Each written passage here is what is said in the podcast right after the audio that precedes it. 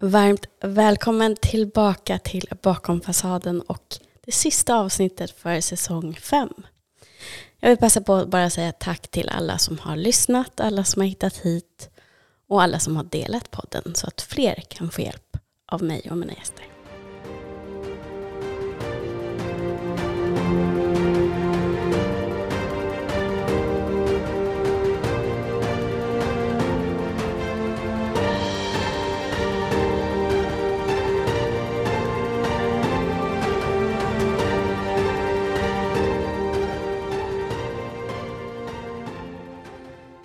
Det sista avsnittet för säsongen blir ett avsnitt i ett segment som jag har och kommer fortsätta med tillsammans med Sanna som jobbar som datingcoach.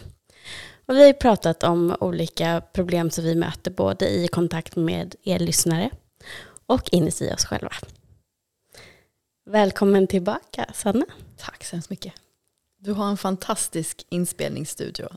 Den är så, den är så be, det är så bekvämt att sitta här i soffan och bara prata. Det känns inte ens som man spelar in liksom. Nej, precis. Och det är det som är så bekvämt. Man ska inte känna att det är jobbigt utan bara att man får vara sig själv och dela med sig av sin kunskap och sina tankar helt enkelt. 100 procent. Vad tar du med dig ifrån det här, det här året vill jag väl säga, men den här säsongen när vi har haft det här segmentet? Ja, vad tar jag med mig från den här säsongen? Alltså jag tänker just hur viktigt det är att prata om dating och i, i, i, i anknytning till anknytning. Ja. eh, och att hur viktigt det är att förstå sig själv och lära känna sig själv för att kunna hitta en potentiell partner för en själv. Mm. Jag tror att det är den viktigaste grejen jag tar med mig eh, i mitt arbete med andra människor och i mig själv. Att så verkligen känna mig själv på djupet för att kunna hitta en kompatibel partner. Jag tror det är det absolut viktigaste jag tar med mig. Mm. Själv då?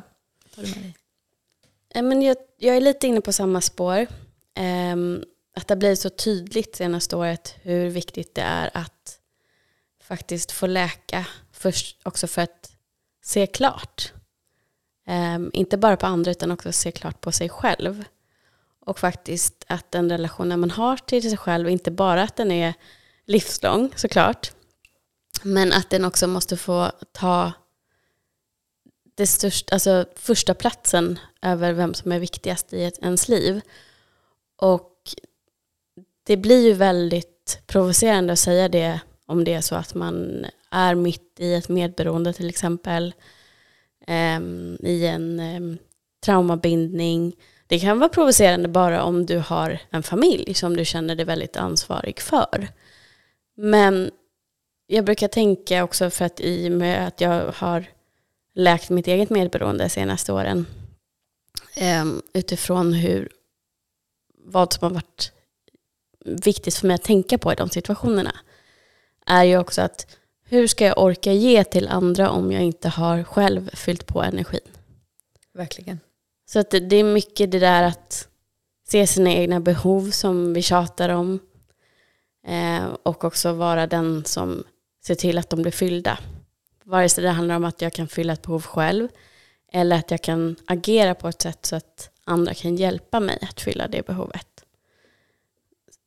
Och just det bidrar ju till ett helt annat lugn. Och det här som du har sagt, som jag har sagt, repeterat så många gånger som var så bra, det här med att det blir så tyst i huvudet när man hittar harmonin och lugnet. Att visst, oron kan fortfarande komma tillbaka och vi har ju pratat i ett avsnitt om att man kan alltid bli triggad. Men att eh, grundtillståndet ändå är så betydligt mycket tryggare. Och det gör att jag också upplever att då kan man se, och då kan jag se mig själv och mig själv i relation till alla andra människor på ett helt annat sätt. Än när jag hela tiden har varit triggad i mitt nervsystem, Ehm, har varit oklar över vad som är ett så kallat hot inom citationstecken eller inte. Eh, och eh, ja, överreagerat eller reagerat på gamla sår som egentligen eh, har behövt läkas för att jag ska kunna se klart. Mm. Jo, jag tänker just det här med att bli triggad, det kommer vi bli hela livet. Det är bara liksom att acceptera det, det är en del av vårt liv. Men just kan jag känna för min egen del också så här att jag kan bli triggad. Men det kan gå ganska så kort tid mellan triggandet och att jag faktiskt förstår vad det är som triggar mig. Bara jag får liksom hantera det på mitt sätt som jag har hittat. Liksom. Mm. Eh, och att kunna förstå varför man blir triggad och kunna liksom sortera in det. Så ah, okej, okay, det handlar om det här. Eller, nej men han var ju bara en idiot. Det är också en väldigt stor skillnad. Liksom. Så här, vad är, det som, är det någonting inom mig som behöver liksom, få sätta ljuset på? Eller är det bara att en människa är dum i huvudet mot mig? Mm. Också viktigt att komma ihåg. Liksom. Ja, och där har det också varit en jättebra lärdom att kunna differentiera mellan vad är egentligen personligt menat mot mig och vad är det som egentligen handlar om den andra personen som projicerar. Är man väldigt osäker och otrygg i sig själv så kan det upplevas som att allting är personligt. Exakt. Verkligen. Men vad var det vi skulle prata om idag då? Det jag tänkt um, är ett väldigt aktuellt ämne och eh, jag skulle också vilja passa på att rekommendera Open House Podcast som vi båda lyssnar på om man är bekväm med att lyssna på engelska. Ganska lik podd får jag väl säga. Eh, men eh, lite annat koncept. Louise som är poddens ägare och grundare tar in terapeuter och pratar om olika ämnen i varje avsnitt. Och eh, jag tycker att det är så häftigt att få höra de som verkligen är utbildade inom psykologi när de säger saker som kanske du och jag har sagt i ett avsnitt eller någon annan gäst. Att det blir bekräftat att eh, den informationen som vi ändå för ut till andra människor faktiskt stämmer. Och också att jag tycker att Louise är så trovärdig i och med att hon också har gått eh, den vägen i att hon har gått från att vara väldigt otrygg, väldigt utåtagerande, osäker eh, och sen gick i terapi och nu är i en sund relation. Så att, eh, den, den, jag tycker det verkligen är en jättebra podd. Och eh, där i senaste avsnittet, tror jag att det är, för oss nu när vi spelar in, eh, så pratar ju då Dr. Terry själv, men då tar hon upp ett brev. Och det här ämnet vet jag att både du och jag kommer i kontakt med genom eh, du klienter, men också eh, poddlyssnare från Singelpodden och jag kommer i kontakt med det väldigt, väldigt mycket också i de DMs som jag får. Framförallt från kvinnor men också från vissa män. Och det är när man blir så fokuserad på allting som sker utifrån, utanför dig själv, den personen som du känner någonting för, att du hittar saker att tänka på, överanalysera hela tiden i den andras beteende. Och om det är så att den här personen kanske är otrygg själv. Ehm, jag skulle vilja säga att kort sagt, det som egentligen händer i den här dansen mellan den otrygga ambivalenta och otrygg undvikande igen. Men kanske ett litet annan, en annan synvinkel på det. Att när man då fastnar i att tänka, men varför gör han eller hon så här? Att vi då egentligen ska säga, vet du vad, det är skitsamma varför den här personen gör så här. För det är inte viktigt. Vi kommer aldrig helt kunna veta varför den här personen gör det utan att prata med den personen och komma in i deras huvud. Det som är viktigt är varför är du attraherad av det? Exakt. Och då tänker jag på det här som jag sa, det här med att, man ska, att det ska vara tyst i huvudet. Jag förstår i början av liksom en dating, eh, när man börjar träffa någon och liksom, att man börjar tänka så här, okej vad tycker hen om mig? Kan det vara så att vi har samma känslor, att vi vill samma saker och så vidare? Men då tänker jag att när det börjar bli åt det hållet, som du säger, att man börjar så här, okej, han sa att han ville träffa mig, men sen så dök han ju inte upp, eller han gjorde det här, men sen sa han det här, stopp, här, här om vi kan. Och jag vet att det är så, så, så, så svårt. Att, för vi vill förstå. Vi vill förstå, känna att vi har kontroll över situationen, att ovissheten försvinner, att det ska bli tydligt och klart. Men när det inte blir det, och jag menar nästa steg i det där tänker jag är såklart att vi kommunicerar det här till den här personen. Även om det bara är efter första dejten, att man säger så här, jag känner mig lite förvirrad i vår situation. Skulle du kunna klargöra några saker? Vilket också är jättesvårt. För det vi har svårast med, upplever ju jag av alla mina klienter som jag har och så vidare, är ju just att uttrycka våra behov och det vi känner och liksom det vi önskar från en annan person. Mm. Så då blir det också det här, istället för att ställa de här frågorna, istället för att faktiskt uttrycka och kommunicera det man känner och skulle vilja veta, så är vi tysta och så analyserar vi huvudet. Och då går tankarna hela tiden. Och då är, vi, då är det ingen tystnad i huvudet. Mm. Och det kan jag känna med mig själv, om, beroende om det är dating eller det är någon jobbsituation och så vidare. Så fort det börjar mala i huvudet, då inser jag att okej, okay, det här är en situation som inte, den är inte, det är någonting som är fel. Mm. För man ska inte behöva vara i sitt huvud konstant i de här olika situationerna. Mm. Man ska kunna vara så här, ja, nu har jag börjat dejta Arne här. Vi har det, vi har varit på en dejt, bra. Då tänker vi, jag tycker han verkar trevlig, han har de här egenskaperna. Vi ser hur nästa dejt blir. Och så ska man kunna fokusera på sitt jobb, på sin träning, på sina vänner och så vidare. Mm. Sen att man tänker på personen, det är klart man gör det. Man är ju lite nyfiken och intresserad av en ny person, inga konstigheter. Men precis som du säger, när det börjar bli för förvirrat och man försöker hitta anledningar till någons beteende, då är vi ute och cyklar. Mm. Och dessutom så upplever jag att det är farligt att göra så. Dels därför att du försöker anpassa dig och hitta svar på saker som inte är schyssta mot dig själv. För att du på något sätt vill acceptera ett dåligt beteende mot dig själv. Du vill gå över dina egna gränser. För du är så mån om att ha någon. Istället för att som en trygg person skulle agera, bara känna att men vänta, det här är inte ens okej. Okay. Jag vill inte ha en sån här person i mitt liv som bara slutar höra av sig eller Ehm, ställer in när vi ska ses kort innan. Sådana saker som det ofta innebär att man börjar analysera. Och nummer två till varför jag tycker att det är farligt, jag ska inte säga uppleva, jag tycker att det här är farligt, det är därför att är man uppe i sitt huvud så skapar du falska scenarion. Du fyller de här luckorna med din egen fantasi och gör det verklighet och din sanning. Vilket gör att sen när du återberättar för din kompis varför du fortsätter träffa den här personen, när de säger men ställde inte han eller hon in fem minuter innan ni skulle ses, du var ju redan där. Till exempel. Då kanske du säger, ja men ehm, du vet att eh, han eller hon var verkligen tvungen att ta det här på jobbet. är så nära en provision eller en befordran just nu. Men det är ingenting som den här personen har sagt. Det är någonting som du har skapat i ditt huvud för att det ska låta bra. Och det är ju så vi kör över oss själva. Och överger oss själva. För att vi är så rädda att bli övergivna av andra.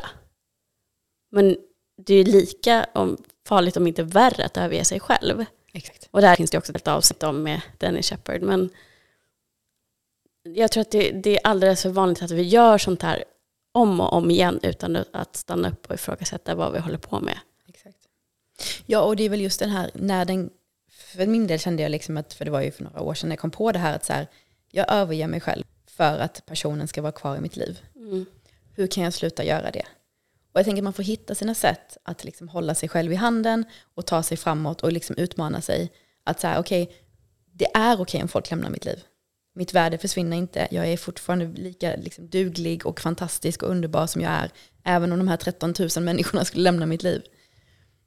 Och det är en, en, alltså en daglig tankeutmaning ehm, eh, skulle jag säga. Att verkligen vakna upp varje morgon och vara så här, okej okay, oavsett vad som händer idag, så om, om han bestämmer sig för att inte träffa mig mer så kommer jag lösa det. Jag kommer klara det, jag kommer kunna liksom hantera det. För att om vi, om vi kan lära oss att tänka så att men det är ingen fara, oavsett vad som händer så kommer jag klara det och jag kan hantera det. Så kommer vi inte känna att det är så hårt när en människa beter sig rövigt, rent ut sagt. Mm. För då kommer vi också vara så här, för jag förtjänar inte det här röviga beteendet. Mm. Och jag tänker vi har alla olika processer och olika sätt att hantera saker, men att man hittar sin egen, sitt eget sätt på något sätt. Mm. Ja, och just att börja ställa sig frågan, var lägger jag mitt värde? I andras handlingar eller i mina handlingar? Eh, hur upplever jag att mitt värde minskar? Är det om jag tycker att jag har gjort bort mig eller gjort fel? Men vem är det som dömer det egentligen? Man måste börja ställa de här frågorna till sig själv under den här processen som man ändå ofta går in i. Om man lyssnar på den här typen av poddar då är det ändå för att man innerst inne vill må bra vill hitta en trygghet, vill att det ska bli tyst i huvudet. och alltså bara att utvecklas och att växa innebär obehag. Men varje gång du gör det så lär du dig också, som jag också tjatar om, att obehag behöver inte, det är inget ihållande och det är inte så himla farligt. Och det är däremot otroligt häftigt att se sig själv växa, göra annorlunda, stå upp för sig själv och sitt värde när en person beter sig på ett sätt som inte är okej. Men man måste också tillåta sig tiden att läka så att man kan se klart som jag pratade om i början. För som vi har pratat om också rent privat senaste året, just den här läkningsprocessen som jag hade eh, som innebar så mycket mer än det som egentligen hade väldigt lite med den här personen att göra, väldigt mycket med mig att göra. Och det är väl egentligen det som är kontentan av det här ämnet idag. Att se att allt som händer runt omkring, det är egentligen alltså, skitsamma. För det som jag behöver läka har den här processen och den här personen visat mig. Alla mina triggers, alla mina sår har blivit helt plötsligt belysta. Och vad jag väljer att göra med dem kan leda till att jag blir väldigt trygg. Men också då ha i bakhuvudet att tiden måste få finnas med som en väldigt stor faktor. För direkt efter man går ur någonting som har gjort väldigt ont och där man har övergivit sig själv och svikit sig själv så behövs också en lång period av tillåtande, acceptans och att förstå sig själv för att man också ska kunna läka. Men som jag ser det blir man ju ganska så undvikande själv under den perioden just därför att man behöver sätta upp sitt, sitt skydd. Eh, och verkligen få läka och inte släppa in människor just då. Sen tänker jag på det här som du säger, obehag, att när man är van vid att det konstant pågår tankar och sätter upp scenarium och sådana grejer så kan det också kännas som en trygghet. Ja, ett ja. sätt att kontrollera. Ja, och när tystnaden kommer i huvudet så är det ju lite att släppa kontrollen. Och det är också en grej vi pratar mycket om i mina coachingsessioner och säkert med många andra. Att släppa på kontrollen. Mm. Och det är ju lite det, vi kontrollerar ju den andra personens eh, handlingar genom att som du säger då, precis som du säger, att ah, men han dök inte upp till den här dejten för att han hade ju en, ett stort jobb på G och liksom så här, nu har vi kontrollerat hela scenariot för oss och för, oss andra, för andra människor och även för hon, den här personen då också. Han är dock ovetande om det.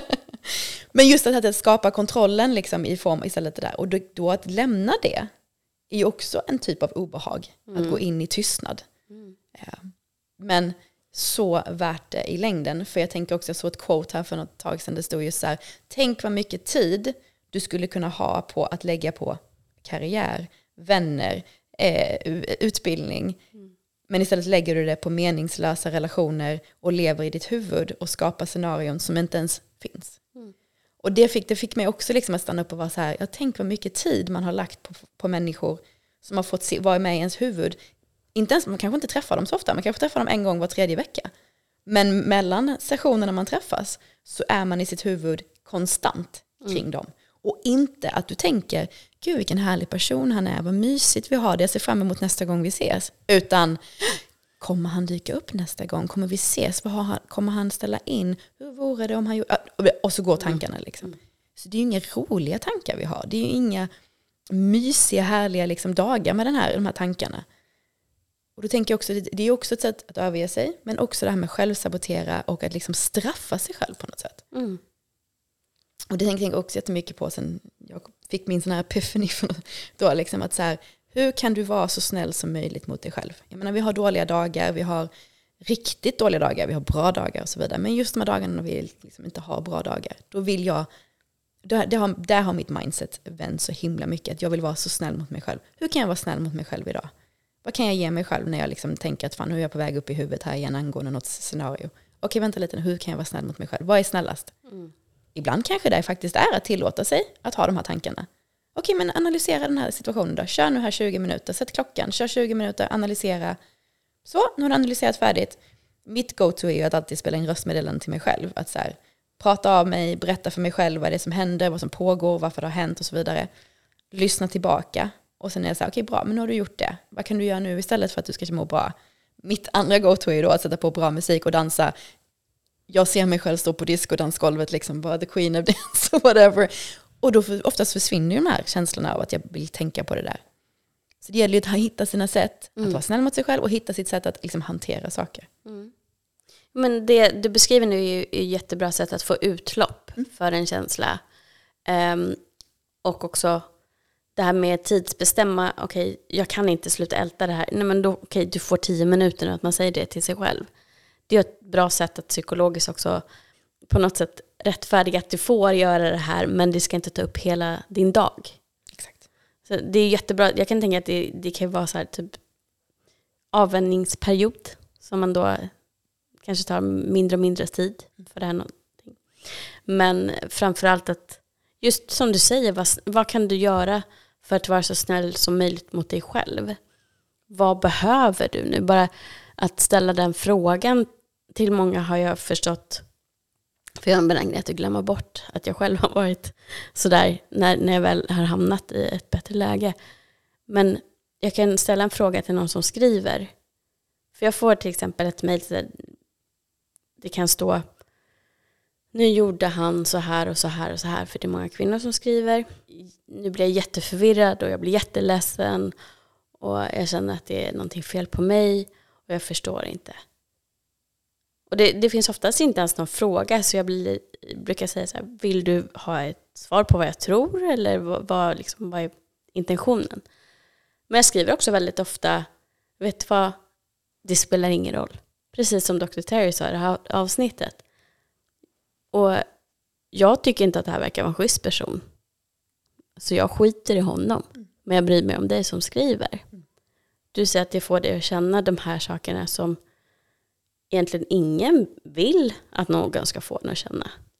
Varför är det viktigt att förstå varför han gör så? Är det inte mer viktigt att förstå varför du vill ha kvar den här personen i ditt liv? Och där tänker jag så här att har man kommit till den punkten att man är så här, det spelar ingen roll om personen är kvar i mitt liv. Han, vi tar han i det här. Mm. Han får mig att känna mig förvirrad. Ifrågasätt honom. Du får mig att känna mig förvirrad i den här, eh, det som vi har. Vad säger du om jag säger, säger så? Och kan han möta dig så här, ja, där jag är i mitt liv nu så känner jag att jag vet inte vad jag har mig själv. Jag är inte redo att eh, liksom, gå in i det här, eller vad det nu kan vara. Att han kan möta dig i det, bra, då kanske du kan få lite förklaring i det. Mm. Men är det någon som ska så här, känner du dig förvirrad? Nej, nu förstår jag inte alls vad du menar. Jag menar, jag, jag, jag pratar ju med dig nu. Jag är ju här mm. nu. Ja, fast igår så ställde du in med två minuters liksom, notice. Varför dök du inte upp och så vidare? Nej, men nu förstår jag inte. Alltså du vet, att prata bort det och liksom inte kan möta det och så vidare. Då har du i alla fall försökt. Mm. Kanske ett sista försök är att säga, okej, okay, jag vill förstå dig. Kan du förklara för mig? För det är bara den personen som kan förklara och för, för, få dig att förstå. Mm. Och kan personen inte göra det, gå därifrån. Och jag vet att det är svårt. Jag vet hur svårt det är. Jag vet alltså till en tusen, så här, det är så svårt. Mm. Men så värt det. Jag kan tänka också att det, det är väldigt intressant att höra var någonstans i relationen, vad man ska kalla det för, som två, de här två personerna är. Är det någon som börjar ställa in med kort varsel, kanske inte hör av sig på två veckor helt plötsligt och sen bara kommer det tillbaka som att ingenting har hänt. Eh, och sådana saker väldigt tidigt när ni, ni kanske precis bara har börjat dejta. Då är det ju ganska lätt att bara säga det här är ingenting för mig. Det här är inte intressant. Jag förtjänar någon som är konsekvent och vänlig. Då är det liksom inget snack om saken. Sluta träffa personen. Men är det så kanske att man ändå har haft antingen en annan relation eh, ett längre tag, så att man har gått in och blivit tillsammans och den här personen sen börjar bete sig så.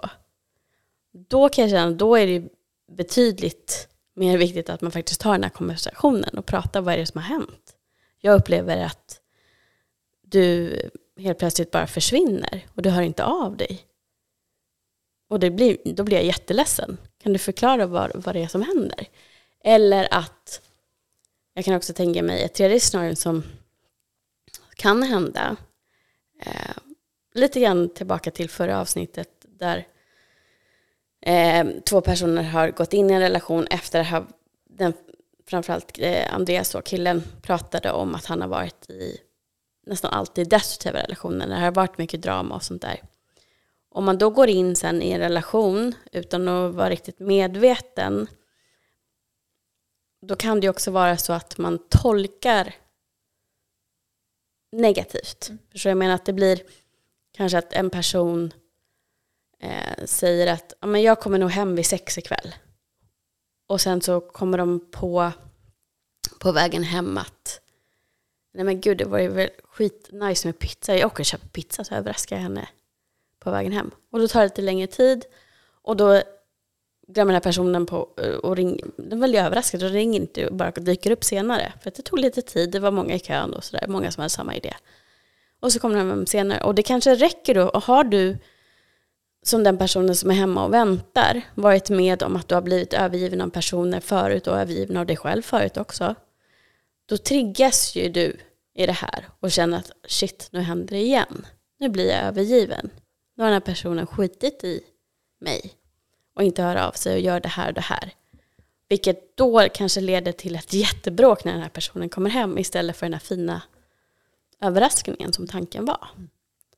Så det är väldigt viktigt också att tänka efter var är jag i den här processen, i mitt liv? Hur mår jag? Är jag trygg? Har jag gått hos en coach eller terapeut? Har jag jobbat med mina mönster? Varför har jag hamnat här i övertänkandet? Verkligen, och jag tänker just som du säger det där med att man kanske bara träffas några gånger och personen beter sig konstigt. Då tycker jag ens att man ska inte ens ge sig in i det, för då tänker jag också, då har man inte något emotionellt band till den här andra personen. Och då tänker jag också i scenario två, som du sa där, liksom att man har till och med blivit tillsammans. Hur viktigt tiden är.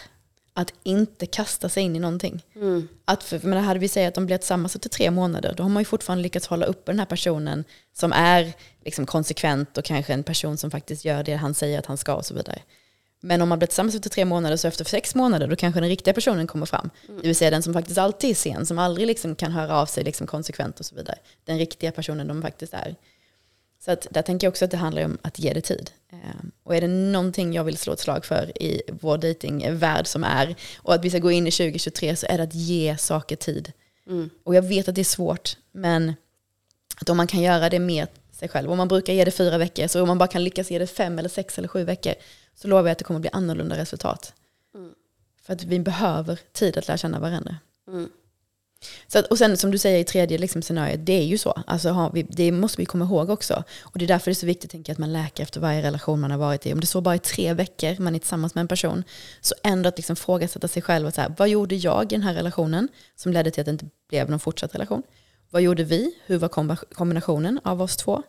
Och hur kan jag göra nu framöver för att inte ska hamna i den? Mm. Att man hela tiden kollar av. Inte bara så här lägger locket på och så kör man vidare. För att har vi ett mönster som vi alltid följer så kommer det mönstret bara fortsätta, fortsätta, fortsätta, fortsätta. Mm. Om vi inte stannar upp och faktiskt så här, hmm, ett, jag kanske ska ändra det här, bara tweaka på det lite grann. Så nästa person kanske blir lite annorlunda. Och sen nästa person blir lite annorlunda och så vidare. Mm. Ja, för att annars så blir det att man möter samma person i olika kroppar. Yes. Alltså oavsett om det är så att man säger, nej men den här personen, men, alltså min förra tjej, hon jobbade ju eh, inom eh, vad ska man säga, inom kläder och mode. Men nu så har jag träffat en tjej som, hon jobbar med hästar. Så det är ju absolut helt olika personer. Ja, det behöver absolut inte absolut. Nej men det är verkligen så, så stor skillnad mellan, man märker också om man pratar med hur medveten den personen är. Och det är ju likadant med mig själv. Jag såg ju absolut inga likhetstecken och nu ser jag att de flesta var exakt likadana. Så det handlar också om våga vara nyfiken på dig själv. Det behöver inte bara upplevas som att gud vad jobbigt, nu måste jag sitta och grotta i varför jag har hamnat här. Ja, men det är också som jag tjatar om den här upptäcktsfärden. Det är väldigt spännande och det är intressant om man tycker att det är kul med personlig utveckling, beteende, psykologi och hela den här grejen också. Vad är det som jag, vad är det jag egentligen är attraherad av när jag tillåter att en person får köra över mig? Mm. Är det den personens utseende då som jag har tolkat som känslor? Att jag bara är jätteattraherad av den personens utseende men egentligen så har jag kanske inte ens lärt känna den här personen som du också pratar om tillräckligt för att ens veta om jag är attraherad eh, intellektuellt, mentalt, känslomässigt. Det finns så många olika sätt av attraktion också och olika typer av intimitet. Och är det så att vi inte tar det långsamt och lär känna en person, jag menar i alla fall första året, innan man helt och fullt ger sig till någon annan med att committa med att till, till exempel flytta ihop sådana saker. Då kan du springa rakt in i väggen, billigt talat. För att jag tror att jag tror ändå att även när du springer in i saker så har du de där små rösterna som ändå säger att nej men vänta det här var inte okej eller är det här verkligen vad jag vill ha? Vill jag det här? Men du tystar dem hela tiden. I alla fall har det varit så för mig att jag har så gärna, gärna velat ha någon. Jag har sett det som att jag är bara värdefull om jag har en pojkvän. Och då var det viktigare för mig att jag har en pojkvän, att vem han var, var vi kompatibla, ville vi samma saker? Mm. Hade vi samma värderingar när, om sånt som verkligen gäller? Till exempel om alla människor är lika värda eller sådana där saker som faktiskt är en dealbreaker. Jag hade också för typ, jag tror det var 11 eller 12 år sedan, jag var, jag var singel ett längre tag. Träffade en kille och efter en månad så sa han att han ville att vi skulle vara tillsammans. Och eh, eh jag kommer ihåg så här efterhand att jag var så här, jag ville inte alls vara tillsammans med honom. Men tanken på att kunna säga jag har en pojkvän, den skrek så hårt liksom att så här, du, nu ska du äntligen få kunna säga att du har en pojkvän. Så jag sa ju ja till att vara tillsammans med honom. Eh, och eh, jag kommer ihåg att vi hade något event med jobbet typ, och jag kunde liksom stå där och folk frågade så här, träffar du någon typ? Och jag kunde säga att ja, jag har en pojkvän. Alltså, den alltså, det var helt sjukt hur folk också bemöter en just i det mm. där. Att de bara så här, ja, hon är normal. Det är inget konstigt med den här människan. Hon har också en poj pojkvän. Hon är en del av samhället på något sätt. Ja. Så kände jag mm. liksom. Och jag tycker det är så sorgligt att tänka tillbaka på mig själv där jag stod och kände typ att jag dög som person för att jag hade den här pojkvännen. Han var fruktansvärt elak, liksom, kontrollerande och det höll ju knappt tre månader sen för att han var ju, alltså det var helt eh, hemskt. Men att bara kunna säga det den dagen gjorde liksom hela, liksom, alltså hela upplevelsen så här, ja men det är okej för jag har en pojkvän. Mm. Och jag tänker hur, hur starkt det där sitter i, liksom, i samhället med den här normen om att vi ska vara i en tvåsamhet och så vidare. Och det är inte alltid så lätt att stå emot det. Och du tänker på människor som är i relation som egentligen inte vill vara i en relation.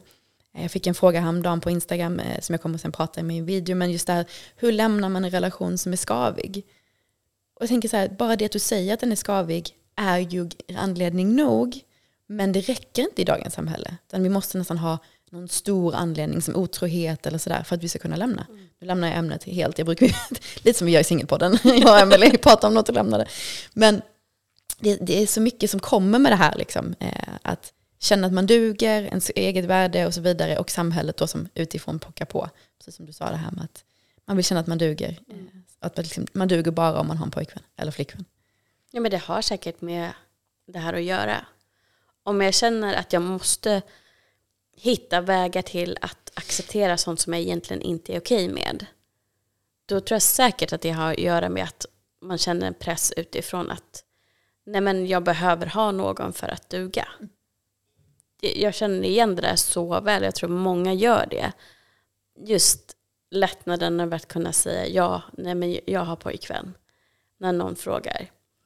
Det jag däremot har observerat senaste året, jag vet inte om det är att jag liksom bara för mig annorlunda eller utstrålar någonting, det är att jag får inte frågan lika ofta. Mm. Utan jag får frågan om hur går det med podden? Eller saker som har mer med mig att göra. Att det, det är som att helt plötsligt så finns det annat att fråga. Eh, eller att jag kanske rör mig i andra kretsar. Det kan det säkert också ha att göra med. Eh, men jag tror ändå att det viktigaste är att du lär dig, precis som jag har lärt mig, att det är jag som ska leva med mig själv. Det är jag som måste vara nöjd över mina val och ta besluten som leder till att jag mår bra. Och för mig betyder det att ta beslut som att det är inte viktigast för mig att ha någon. Det är viktigast för mig att ha mig själv, att ha min trygghet, att ha tyst i huvudet och inte övertänka alla personers beteenden. Det är viktigast för mig att känna att jag skapar ett liv där jag kan må bra. För att ens känna mig öppen för att släppa in en man i mitt liv. Och eh, att det också får ta de åren. Nu vet jag att det är lättare för mig som inte vill ha barn. Att inte känna stress över det. Att känna att jag har halva livet kvar. Och det är inte så himla bråttom. Det, det finns tid. Så jag förstår det med all respekt till er som är i min ålder och fortfarande har en, eller som har en barnlängtan ska jag säga. Men det är fortfarande så att det, det är du som ska leva med dig själv hela livet. Alla andra kan försvinna på olika sätt. Mm. Så det, är liksom, det, det, är verkligen det viktigaste. Och det här övertänkandet som du, som du sa i början, det är ju så som Sanna sa här, med, det är en skyddsmekanism för att skapa kontroll och i ditt huvud då är lika med tecken trygghet. Mm. Och om jag ska vara lite hård så är det så här, om vi hoppar in och ut ur relationer eller att vi inte träffar någon alls eller har någon form av mindre bra liksom, resultat av ens dating och relationer. Om man då tänker, att, precis som du säger, man har en barnlängtan eller man vill, väldigt gärna vill träffa en relation. Om man då väljer att inte titta på sig själv och man väljer att inte titta på sina mönster så är det ju lite som att acceptera att det här är den framtid jag har. Mm. För vi behöver göra en förändring om vi ska få andra resultat. Så är det bara. Du kommer inte vakna upp en dag och bara, nu väljer jag Stefan här. Och han är trygg och han är en fantastisk person. Absolut händer det, men det är ju också återigen ett undantag från regeln. Och jag tror att man ska inte leva efter att man är undantaget. För då kommer man bara bli eh, eh, vad heter det, besviken. Mm. Utan tänk att jag är regeln som bekräftar undantaget. Och sen så försöka göra den här förändringen. För att jag, alltså, jag vet med mig själv, vet jag, att hade jag inte gjort en förändring i mitt liv så hade jag fortsatt i exakt samma hjulspår. Sen är jag säker på att jag kan trilla tillbaka. Det är liksom ingenting som jag är, och det tror jag också handlar om den här medvetenheten. Även om jag är medveten om mina mönster så finns det ju mycket möjlighet att man ramlar tillbaka. Men då är du så pass medveten att du kan dra dig tillbaka och vara så här, ja absolut, nu ramlar jag tillbaka, då lyfter vi upp mig igen. Och så tar vi oss tillbaka på den vägen vi ska gå. Jag la upp någon bild här veckan där det var en man som, eh, han gick upp för en trappa och så ramlade han ner i en, eh, en studsmatta. Liksom. Ja, ja. Han gick upp för trappan två steg och sen så ramlade han ner. Mm. Upp till fjärde steget och så ramlade han ner. Och det är ju så det är i livet. Vi, allting är inte linjärt och det är bara inte rakt fram hela tiden. Men har man börjat på vägen så har man i alla fall kommit ett lite bättre steg mot att faktiskt få en varaktig och sund relation. Mm. Så det är också, man måste fråga sig själv, så här, accepterar jag de mönster jag uppenbarligen har som inte leder mig till det jag vill ha? Okej, okay. Kör du på den vägen. Men gör du inte det och vi inte vill acceptera, då måste du ge dig in på en annan väg. Där du ifrågasätter dig själv och allting som händer runt omkring dig. Mm. Precis, och då är det ju lättare om man tar med någon annan i beräkningen, en coach eller en, en terapeut som kan se saker. Och jag tänkte nästan styra in samtalet lite just på det, att gå i coaching och, och terapi. För att nu har jag haft med flera coacher, bland annat dig då, eh, och terapeuter som gäster i flera säsonger. Eh, men jag får fortfarande frågan om man verkligen ska våga och vad det innebär. Och jag tänkte bara prata lite grann utifrån mina erfarenheter och vill jättegärna också höra dina erfarenheter.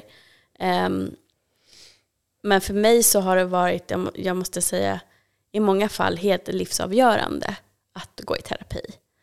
Eh, för att jag har hamnat och också i många fall satt mig i situationer som har lett till eh, trauma.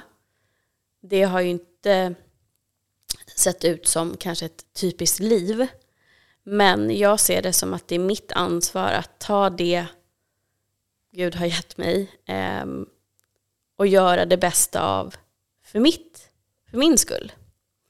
Jag har blivit tilldelad vissa saker som är hårdare och är svårare än andra. Men det är ingenting som jag tänker tillåta ska styra vem jag är eller mitt liv eller hur jag mår. Och det är så jag ser på saken. Jag kan inte leva med mig själv och sitta och bara fastna i saker som har hänt mig som inte jag kunnat påverka.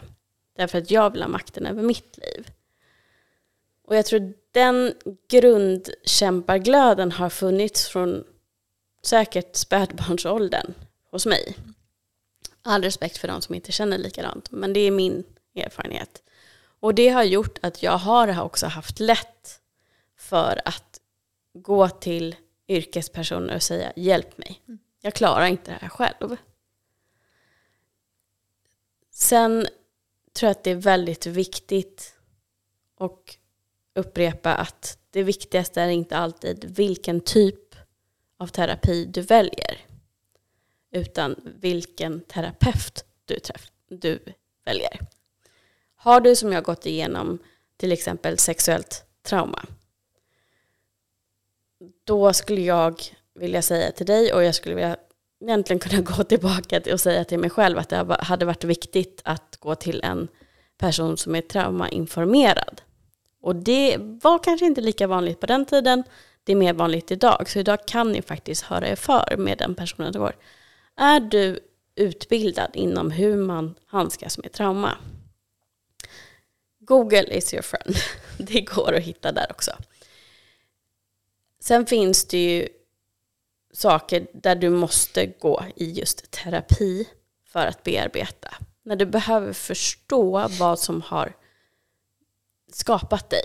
Varför du har satt upp olika skydd. Vad är det du skyddar dig emot? Då måste du vara okej med att gå tillbaka till barndomen. Det gör man i terapi. Där tittar man bakåt. Hittar du någon som du känner förtroende för så pass mycket att du kan sätta dig och bara storböla när du behöver, då har du hittat rätt. Det kommer ge resultat. Och sluta inte för att du mår bättre. Som min terapeut sa, nu mår du bra, det är nu vi kan börja gräva djupare. Det är nu det kommer hända saker på riktigt. Och så var det. Och sen gick jag därifrån och var liksom, wow, alltså det var så häftigt. Hela de åtta månaderna som kom framåt mm. efter dess. Eh, däremot har du inte varit med om saker som du känner att du nödvändigtvis vet om du behöver titta bakåt för. Då kanske du väljer en coach först för att hjälpa till att bena ut och se vad är det egentligen som jag behöver hjälp med. Jag upplever till exempel att jag har svårt att träffa rätt person. Det är ju väldigt många som går in i coaching med den grundsynen. Eller jag har fastnat, jag vet inte vad jag vill göra yrkesmässigt. Då finns det ju coacher som hjälper dig med specifikt eller liksom generellt bara bena ut och hitta din väg framåt. Man tittar framåt. I vissa fall kan man titta lite bakåt bara för att förstå om du går till en coach som kanske jobbar till exempel med anknytning. Lite titta bakåt innebär ju det också då. Eh, och för min del så är det där jag är idag, för jag har gjort så himla mycket jobb med att gräva i det förflutna. Läkare förflutna, läkartrauma, allt möjligt. Däremot så känner jag att jag behöver hjälp av någon som ser mig utifrån och som har mer kunskap än vad jag har inom eh, att komma tillbaka till den kvinnan jag är. Eh, en, en livsbejakande kvinna i 40-årsåldern som jag vill vara och bara hitta tillbaka till saker som jag njuter av, som dansa, som du tog som ett exempel. Jag var alltid ute och dansade när jag var yngre. Nu vill inte jag gå ut på nattklubb på helgerna och dansa, men ja, bara som ett uttryck. Hitta tillbaka till kvinnan. Och då tar jag hjälp av en coach för jag vill komma framåt. Så lite ehm, lång utläggning där, men det är så jag ser det rent personligen. Hur man kan göra och vad som egentligen krävs av en person för att faktiskt leva sitt bästa liv. Ja, och jag tänker också tillägga där att, att det är så viktigt som du säger att man hittar rätt terapeut och att man vågar byta. Ja. För jag hade en terapeut som jag gick hos i två år, de första åren när jag började gå i terapi. Hon var jättebra för den Sanna som jag var då. Men jag växte under terapin och jag behövde någon som var annorlunda. Så jag bytte och har en annan terapeut nu eller jag ska inte säga nu för jag har inte gått på ett tag, men som jag går till om jag skulle vilja boka, boka igen. Mm. Och hon är helt annorlunda än från den första. Men det är också för att jag kräver någonting nytt. Jag behöver någonting annorlunda. Så det tänker jag också, precis som vi byter frisörer eller vi byter nageltjejer eller vi byter vad vi nu än gör, vad den för, liksom, behandlingar vi går i, så våga byta. Man, inte, man behöver inte vara lojal till varken coach eller terapeut. terapeut för att man har rätt att liksom känna att, nej men vi säger nu att man går till mig kanske under ett år och så känner man så här, ah, okej okay, men nu har jag kommit en bit på vägen, nu utmanar inte hon mig på samma sätt. Nu vill jag testa, ja men som du säger, kanske någon viss in, in, liksom inriktning på coaching till exempel, ja, men, men, mental hälsa, eller det kanske är, alltså, att man ändrar inriktning och så vidare. Och det tycker jag är att man ska göra, för att det måste ju vara att coachen ger en det som man, man önskar och kräver. Så det vill jag också skicka med, så här, att jag menar, kommer du till mig och går hos mig så betyder det inte att du är fast med mig för resten av livet. Utan du får du gärna byta till någon annan när du känner liksom att nej men nu behöver jag någonting annat. Mm. Och sån är jag väldigt också, typ att hon som jag har gått hos nu sen, jag vet inte, det är väl åtta år kanske, nej, det måste vara kortare tid än så, skitsamma. Att hon gick jag fram till oktober förra året, jag har inte gått terapi på ett år. Men känner jag sen att jag skulle vilja gå igen, då kommer jag absolut boka in mig hos henne. Känna av under den timmen, så här, är hon fortfarande den terapeut jag ska gå till? Eller kommer jag behöva någonting annorlunda? Mm. Jag tror det är också den vägen vi går i terapi och liksom coaching, att vi inte behöver vara rädda för att utvecklas och då också utvecklas med nya personer. Mm. Ja, och sen så tänker jag också att om det är en bra coach som också är väldigt informerad själv om terapi så kan den personen också öppna upp för andra vägar. Kanske att, så att någon kommer och vet inte alls vad den egentligen är ute efter. Och sen kanske du ser att ja, men du skulle nog behöva jobba på att våga känna beröring igen. Det kan vara sådana saker. Då finns det ju somatisk terapi som bara jobbar med liksom att bli trygg i kroppen rent fysiskt igen. Um, eller att du ser att någon är kärleksberoende det finns specifik terapi för det. Att se det som hjälp, alltså du går till en coach för att du behöver, precis som när jag gick till syon i skolan, vägledning om var du ska gå vidare. Att det blir lite samma sak. Ja. Och det tänker jag, det är många som bokar sig hos mig och så säger de att ja, men jag vet inte riktigt vad jag vill prata om. Men det är ju mitt jobb. Mm. Att ställa de frågorna så att vi kommer dit du vill komma. Mm. Oftast tror jag att man har en liten tanke om vad man vill på väg. Men det blir också en liten utmaning för mig att komma dit genom samtalet. Och det tycker jag är så fascinerande det här med coaching, liksom, att vi kan börja på klockan tre och sen kvart, kvart i fyra, då är det som att det bara så här, ah, där är det. Liksom. Mm. Och det är där som jag tänker att det är ju det som är med coaching, att man bara ett bokat samtal kan liksom öppna upp för så himla mycket. Du behöver inte känna så att jag har ett specifikt sak jag måste prata om. Utan liksom, för jag, menar, jag vet att du har nu gått, börjat i coaching och haft en specifik som du sa att du vill hitta mm. tillbaka till dig som kvinna till exempel. Då var du väldigt tydlig med vad du vill prata om. Mm. Men det behöver man inte heller vara. Man kan känna sig lite vilsen och liksom så här, jag vet inte riktigt vad det är jag vill prata om. Nej men kom till mig så ska vi se om vi kan hitta det. Och det kan ju också vara att du efter ett samtal är så här, nej jag kanske inte har någonting just nu. Det är också helt okej. Okay. Mm. Det finns liksom inga regler för vad coaching eller terapi ska ge och inte ge. Men jag tror bara att våga ta ett samtal eller två samtal eller utmana sig i det kan öppna dörrar, tror jag. Ja, gud ja. Jag vet ju att jag gick till en livscoach för, vad blir det nu, fyra år sedan. Och hon var specialiserad inom högkänslighet till exempel. Och hon var den som fick mig att förstå att jag bad, eh, bar på så starka och djupa sår från spädbarnstiden. Så att jag kunde fortsätta jobba med det sen. Eh, och hon var också den som introducerade mig för schematerapi på så sätt att, eh, att det finns ett livstema övergivenhet. Så att det, det finns ju liksom väldigt, väldigt mycket att hämta i coaching också när man börjar från första början och inte vet vad man ska gå vidare. Sen kan man inte gå i alla typer av terapi kanske utan du får hitta det som känns rätt för dig. Om du till exempel känner igen dig som lyssnar i det som jag har varit med om, i det vi pratar om och sådär. De råden jag hade velat ha från början var att titta på gestaltterapi, schematerapi och psykosyntesterapi. För att de liksom behandlar så mycket av det som jag känner verkligen har gjort skillnad. Och just gestaltterapi och schematerapi kommer jag prata om i nästa säsong också, kan jag tisa lite om. Um, och gestaltterapi har jag nyligen upptäckt. Och en del av mig kan känna lite så här, oh, det skulle jag ha velat gått i, det, det är jätteintressant. Men så tänker jag tillbaka till psykosyntesterapin som också har liksom lite så här ett hopplock av många grenar utifrån individen. Att, jo men vi gjorde ju sådana övningar. Jag fick ju faktiskt med det där. Just det att du, du kanske sitter och då gestaltar eh, lilla du på en stol. Och sen mitt emot så sitter då ja, men, en förälder kanske. Eller en lärare. Eller någon, någon som du liksom har ett oläkt sår med. Och så får du gestalta både dig själv och den personen. Och först så känns ju det jättemärkligt för vi är så ovana att göra sådana saker. Men det är otroligt läkande.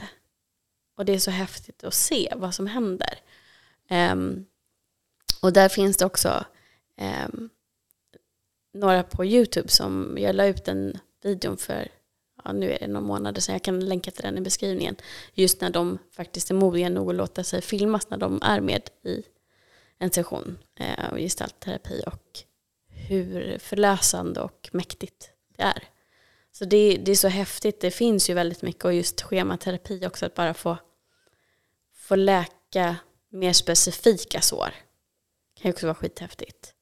Men det, det, liksom, det finns ju hur mycket som helst men det är jättesvårt att veta om det bara kommer till att okay, jag vet inte varför men jag mår inte bra och jag behöver bara veta var jag ska börja. Exakt. Men just det där med som du säger att man eh, ska gestalta, det har jag också gjort i terapi eh, när jag gick och psykoterapi. Eh, och ibland gör vi det i coachingen också, att om det är så att man har någon person som man vill komma bort från eller så vidare, så vidare att man liksom får ja, men, liksom, iscensätta de här scenarierna. Liksom verkligen så här, hur skulle vi göra, hur ska vi tänka framåt och så vidare. Mm. Så det används ju lite överallt tänker jag. Eh, och det är så mäktigt och kraftfullt. Har du någon typ av terapi som du är mer nyfiken på? Kanske inte för att du känner att du nödvändigtvis behöver det nu för det har gått många år men som tycker så här, Jag har ju aldrig gjort KBT. Mm. Så det är jag lite nyfiken på faktiskt. Jag har ju egentligen bara gått i psykoterapi. Prata, prata, prata. Eh, och eh, aldrig provat eh, KBT. Så mm. det är jag lite nyfiken på. Jag har ju gått i KBT. Mm. Men det var mer... Um, KBT tycker jag är bra för när man vet lite mer specifika saker där du behöver ändra dina tankegångar. För att du hela tiden skriver upp, eller min terapeut gjorde så att vi skrev upp mitt scenario, hur jag brukar göra, hur jag brukar tänka. Och sen bad hon mig om ett alternativ. Och sen så gällde det liksom att eh, ja, men man, man drar faktiskt liksom nya tankegångar eh, rent fysiskt när man vänjer sig vid en annan lösning på sina problem och tänker så. Och det används ju också mycket för det kan vara från sluta röka, alltså, slut, alltså bryta typ. mönster, fobier, sådana saker. Så det är kraftfullt på många sätt. Um, att ta ett specifikt problem och liksom nu ska, det här behöver jag verkligen förändra mina tankegångar i. Ja. Och det är väl lite kan man ju säga egentligen som coaching, liksom, att det här är att förändra perspektiv. Det här är mitt mönster, så här brukar jag göra. Okej, välkommen in i coachingrummet. Hur vänder vi på det här? Nu vänder vi och ser ett annat perspektiv. Ah, jag kanske ska testa att göra så här. Mm. Istället för att jag vet inte, träffa någon efter två dagar av snack på Tinder så väntar vi tre veckor. Vad händer då? Bara den lilla skiftningen kan ju göra så himla annorlunda i resultatet. Mm. Men att många människor inte ens har tänkt de tankarna att man ska göra annorlunda. Liksom. Mm. Så att det är väldigt spännande det där. Jag tycker det är nog det bästa med att vara coach. Det är när man kommer till den här punkten att man är så här, vad säger du om att vi ska göra så här istället? Man ser lite rädslan i ansiktet på de här människorna och som blir så här, ja, låt mig fundera på det ett tag så ska vi se. Och sen så testar de och så blir de så här, fan det blir ju blir helt annorlunda. Att jag inte ens tänkt på det här innan. Mm. Men det är ju för att vi är så inkörda i våra egna mönster och beteenden. Och jag menar det är ju som att en coach behöver en coach behöver en coach behöver en coach. Alla behöver vi någon som liksom bara vänder och vrider lite grann på våra tankegångar. Mm. Ja, och jag tänker att om det är så att man vet om att man är ganska omedveten och kanske har folk runt omkring sig som också är omedvetna. Ehm, det är väldigt, väldigt olika. då får man ju också väldigt ska man, ska man våga säga felaktiga svar på sina problem och lösningar eh, från sina vänner och bekanta som man kanske ställer frågor till. Att ja, ja nej men eh, den där osäkerheten som du känner nu när han beter sig så här, det hör till, så är det alltid för mig. Det är bara att köra på. Istället för så som vi pratade om i början, att det här är inte okej. Exakt. Nej, men det tror jag också, absolut. Att, och vi alla kommer, eh, vi alla vill kunna hjälpa till och ge råd och så vidare. Och så vidare. Men jag tror precis som du säger, ska man ha en förändring i livet på riktigt så behöver man ha professionell hjälp. 100%. Mm. Mm. Ja, nej men, och sen så tänker jag också så att det, det är ju ändå en kostnadsfråga. Um, men jag brukar säga så som PT säger att du ångrar aldrig en session på gymmet och det gör man ju inte när man väl har varit där. Du ångrar aldrig en session hos din coach eller din terapeut heller. Du tänker inte på de pengarna som en utgift när du märker vad som händer utan du ser det verkligen som för vad det är, en investering. Du vinner så otroligt mycket på det. Varför ska du fortsätta liksom hela livet i samma mönster och olycka? när du kan under en kortare period göra get, alltså jättejobb och förändra. Sen är, ja, vi jobbar vidare och kommer framåt och sådär, men det är ju ändå kortare perioder man gör ett intensivt arbete. Och det kan ju vara så att du behöver spara ihop till de pengarna. Men det är fortfarande en investering som gynnar dig och ger dig liksom så jäkla bra förutsättningar för att bli glad och lycklig framöver. Exakt. Kanske en julklapp istället för eh, det där eh, fantastiska schampot. Jag. så kanske man ska önska sig en coaching-session eller en terapisession mm. Eh, för att börja 2023 som en, ett, ett, på ett nytt sätt helt enkelt. Få lite annorlunda perspektiv och börja se lite grann på sig själv utifrån ett annat ljus. Mm. Avslutningsvis så tänkte jag bara fråga lite grann, hur ser du på 2023? Jag är så exalterad inför 2023. Eh, jag kan inte berätta exakt just nu, för att allting är inte är klart. Men om allting liksom går i lås så kommer mitt liv se helt annorlunda ut nästa år.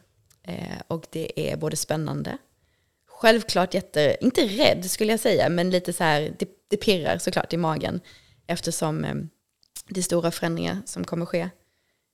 Men det som jag har kommit fram till under 2022 angående det här med att göra förändringar och stora förändringar är att rädslan kommer aldrig få styra mitt liv. Liksom. För det har den gjort i många gånger. Men den kommer aldrig mer få styra mitt liv. För jag vill leva till fullo. Och det är någonting jag verkligen kommit på att du, alltså man lever bara en gång. Man får bara det här eh, livet som mig. Och jag vill leva det till fullo och köra på och våga testa de här sakerna som jag längtar efter. Så jag har väldigt stora förväntningar eh, på 2023. Och det är väl alltid lite jobbigt det där när man har väldigt höga förväntningar på någonting, att det ska bli så här platt fall. För det är också någonting jag jobbar på, att bli mer förväntanslös. Att vara så här, ah, ja, nu ska jag gå iväg på fest på lördag. Vi får se hur det blir. Typ. Att försöka dra ner förväntningarna. För jag är en person som har ganska höga förväntningar. Och som kanske då inte infrias för att ja, livet är som livet är. Jag har höga förväntningar på 2023 men också håller jag försöker liksom dra tillbaka mig lite grann i tankarna ibland för att inte vilja lägga för stor press på mm. nästa år. Liksom, om man ser på det så. Så längre fram kommer, man, kommer jag kunna avslöja vad det är som kommer ske. Så mm. Hur känner du? Um, jag tänker väl att i och med att jag verkligen vill implementera fullt ut att det är jag som har makten över mitt liv så känner jag så att förväntningar, det är, det är så mycket som är upp till mig är det jag som utsätter mig för någonting nytt som kan leda till någonting jättehärligt men det finns en viss risk, viss risk ja, men då är det fortfarande jag som styr det. Det är jag som väljer om jag vill utsätta mig för den här vissa risken för kanske en jättebelöning. Jag tror att så måste jag tänka för att också komma framåt. Och coachingen, att börja gå i den, eh, är jag jättepepp på. Jag tror att det kommer öppna upp det som har fattats för att jag ska känna mig mer tillfreds. Alltså jag är nöjd, grundnöjd och trygg. Men det, liksom, det saknas någonting. Och jag tror att jag behöver komma igång med den ordentligt för att kunna säga mer egentligen. Men i grund och botten så är det jag som har ansvar för min egen lycka och det är jag som tar ansvar för att då gå i coaching för att få hjälp framåt. Ehm, men annars så känner jag mig väldigt tillfreds med hur det här året har sett ut. Jag är jättenöjd med den här säsongen. Alla gäster, alla avsnitt, all feedback, eh, hur mycket podden har växt. Ehm, på så sätt att vi har kunnat hjälpa fler och fler. Eh, och jag hoppas att det fortsätter så. Eh, podden kommer ju alltid på något sätt spegla lite grann vad jag är i livet. Och jag har tagit bort avsnitt nu. Eh, som jag ändå kände att det skavde för mycket att ha dem kvar. Jag kan inte riktigt stå för det. Jag vet att jag har sagt förut att ja men det kanske är någon som var eller som är där jag var som känner igen sig. Men jag vill inte att de ska tro att det där var okej. Mm. Ehm, lite grann som vi har varit inne på hela temat här, att jag gick över mina egna gränser, jag var kvar i någonting som aldrig ens blev en riktig relation, jag byggde upp en stor fantasi av någon som gärna gödde på den fantasin för att ha mig kvar. Eh, men framförallt så överlevde jag mer än levde. Och eh, jag tog inte ansvar för mitt mående utan jag, så jag satte liksom mitt värde helt i någon annan person och i hans händer.